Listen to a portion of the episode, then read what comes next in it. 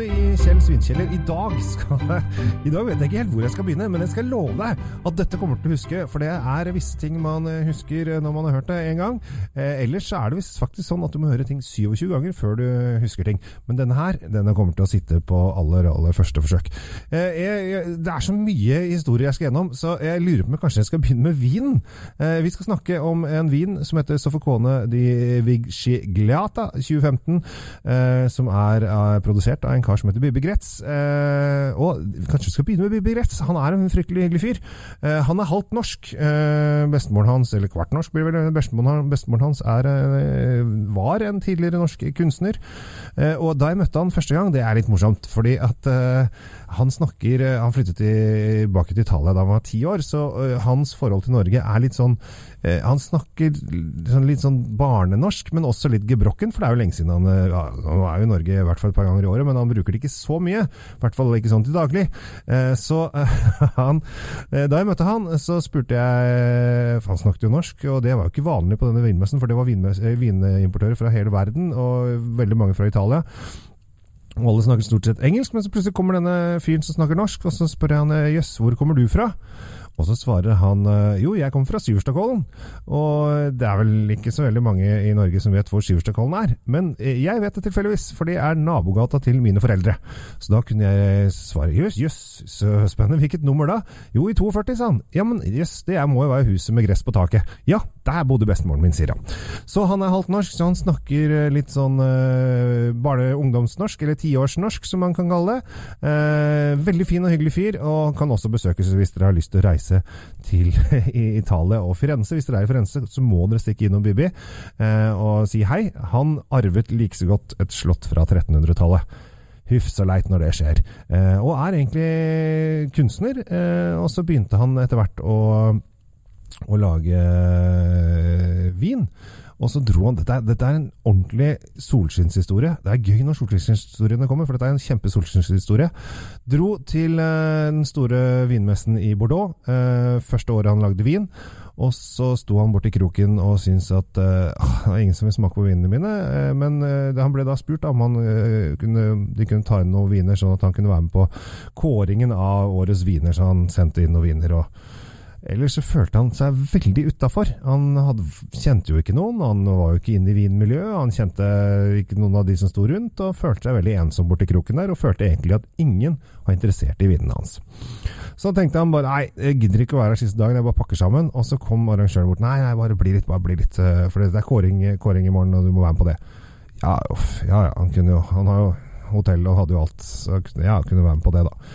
Og så tenkte han ja, hvorfor ikke, da blir jeg, blir jeg værende. Fikk litt, kanskje litt mer pågangsmot, hvem vet, det, det vet ikke jeg eh, i, ut av denne historien. Men eh, så er det da kåring av årets viner, og han eh, steller seg opp og ser på dette her. Og første gang han produserer vin, første gang han er med i en konkurranse, så vinner han årets vin på den store messa i Bordeaux. Det er ganske imponerende i seg sjøl. Og fra det så gikk det fra å være en liten sånn kunstnervinfyr i Firenze til å bli et uh, velholdt navn i fryktelig mange land og verden over. Og er uh, Jeg tror veldig mange kjenner vinen hans. Kanskje Casamatta-vinen, som koster sånn 140 kroner, er kjent for mange. En typisk pizzavin. Uh, så har han også Casamatta betyr galhus. Den fins både i rødt og hvitt Og så har han Testamatta, som betyr gal i hodet.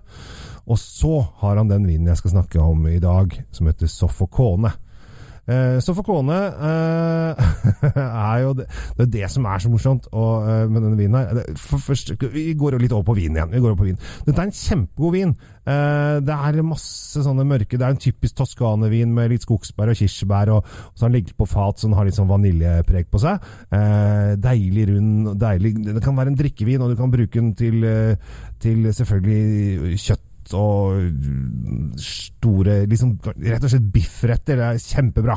Eh, veldig god og deilig i munnen. Eh, koster 394 kroner, så det er ikke noen superbillig vin, men en kjempekul greie. Og etter at jeg fortalt den historien jeg kommer til nå, så kommer dere til å huske denne her, og kanskje ta den frem. Og den er helt perfekt i sosiale settinger der det ikke er altfor religiøse folk som eh, tar eh, ting litt for alvorlig når det gjelder underlivssnakk. Fordi Nedenfor dette vinslottet som han arvet, som jeg snakket om i stad, så eh, er det en liten skog. Eh, og i Italia, han, i Firenze, er det sånn fortsatt at det er jo katolsk, og gutta bor hjemme til de gifter seg. Det vil si at uh, seksuell aktivitet med kjærester uh, er veldig vanskelig å gjøre sånn innomhus. Og hva gjør de da? Jo, da går de ut i skogen. Så nedenfor denne vingården så er det en parkeringsplass ved skogen der, og der ser han hver eneste helg så ser han at lysene går opp og ned på bilene. Og da skjønner man jo stort sett hva som foregår. Eh, så han falt, fant ut å kalle vinen sin Sofokone. Sofokone er vel eh, det som eh, på godt norsk kan kalles en blowjob, på godt norsk. rett og slett en sugejobb. Dette er på slang i Firenze, så hvis du går til f.eks. Milano, så vil Sofocone bety at noe som er godt i munnen, så kan man jo tolke det ut fra de erfaringene man har. Uansett, denne vinen slår an over hele verden, og spesielt i USA. USA er jo et fantastisk land og med en fantastisk president osv. Der eh, er det jo ikke bekymra eh, når det gjelder seksuell aktivitet. Nei, nei, nei. Der er det åpen for det meste. Litt ironisk. Men det som skjedde, var at denne vinen ble kjempepopulær i USA. og så tok det nesten to år så fant de amerikanske myndighetene ut at Sofakone betyr blowjob. Og da ble den forbudt i USA. Så da hadde den het eh, 'Drep meg sakte med ti kniver og spidd meg på et gjerde'. Ikke noe problem, det hadde sikkert gått bra i USA. Men blowjob Nei, fysj a meg. Det går ikke. Så de amerikanske myndighetene forbød vinen, eh, og etiketten også, eh, som er et eh, maleri han har laget selv, som han måtte i hvert fall forandre. Så etter at han har forandret den såpass mye, og at han hadde argumentert med at Soffocone betyr noe godt i munnen, og han kunne ikke skjønne hvorfor noen kalte det en blowjob, da fikk den lov å komme inn i salget, men det tok en god, god stund. Så denne vinen er faktisk blitt forbudt i USA pga. navnet blowjob. Det er ganske morsomt. Det er, det er, vel bare i USA det kan skje. Uh, men nå er den selvfølgelig tilbake igjen og er uh, superpopulær. Uh, jeg syns det er en skikkelig toppvin av en skikkelig topp fyr. laget i et skikkelig toppland, i et skikkelig toppområde. Vi er i Toskana, i Frense. Rett Altså, du kan se borgen hans fra byen, så vi henger helt inn i denne Kanskje den kunstnerisk og historisk viktigste byen i Italia. Der har du David av Michelangelo, der har du kirker og skulpturer, og der bodde Machiavelli, og med, der var Medici-familien, og det var høydepunktet da virkelig eh, italienske kultur eh, og høyde, høy, høy, middelalderhøytiden kom. Det var jo i Firenze. Og de har så mye Uansett hvor du spytter i Firenze, så treffer du noe historisk og gammelt. Så dette her er en uh, vin som jeg anbefaler uh, veldig godt.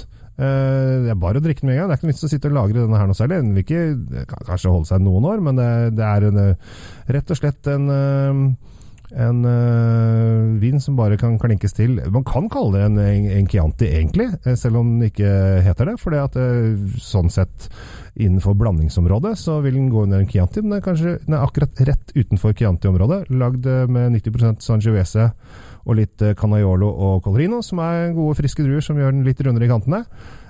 Så en superflott toskansk vin for dere som liker italiensk vin.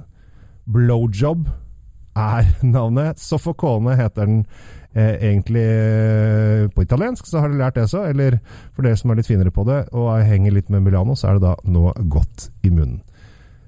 Jeg anbefaler på det sterkeste. Jeg syns dette er supervin. Jeg har drukket den masse opp gjennom årene, og hver gang jeg drikker den eh, i, i sosiale lag, så må jeg selvfølgelig snakke om at nå, nå drikker vi blowjob-vinen. Og da blir det blir god stemning rundt bordet. Det gjør det. Så eh, dagens eh, lille frekkas er eh, italiener. Sofocone di Vinigliatia 2015. 394,90, nesten 400 kroner. En superkul vin fra Bibbegrets, halvt norsk fra Asker. For det er der Sjurstadkollen ligger, hvis det er noen som lurte om det. Det. Gå og drikk gode viner. Eh, kos dere. Lek med vin.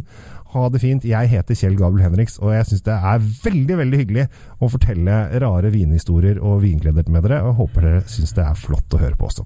Ha en eh, fin uke, så er det bare å lytte på de andre podkastene mine også. Det begynner å bli mange gode, fine vinhistorier. Det er masse god vin der ute som man bare må dykke nesa ned i og leske strupen med. Ha en eh, fin dag. Takk for deg.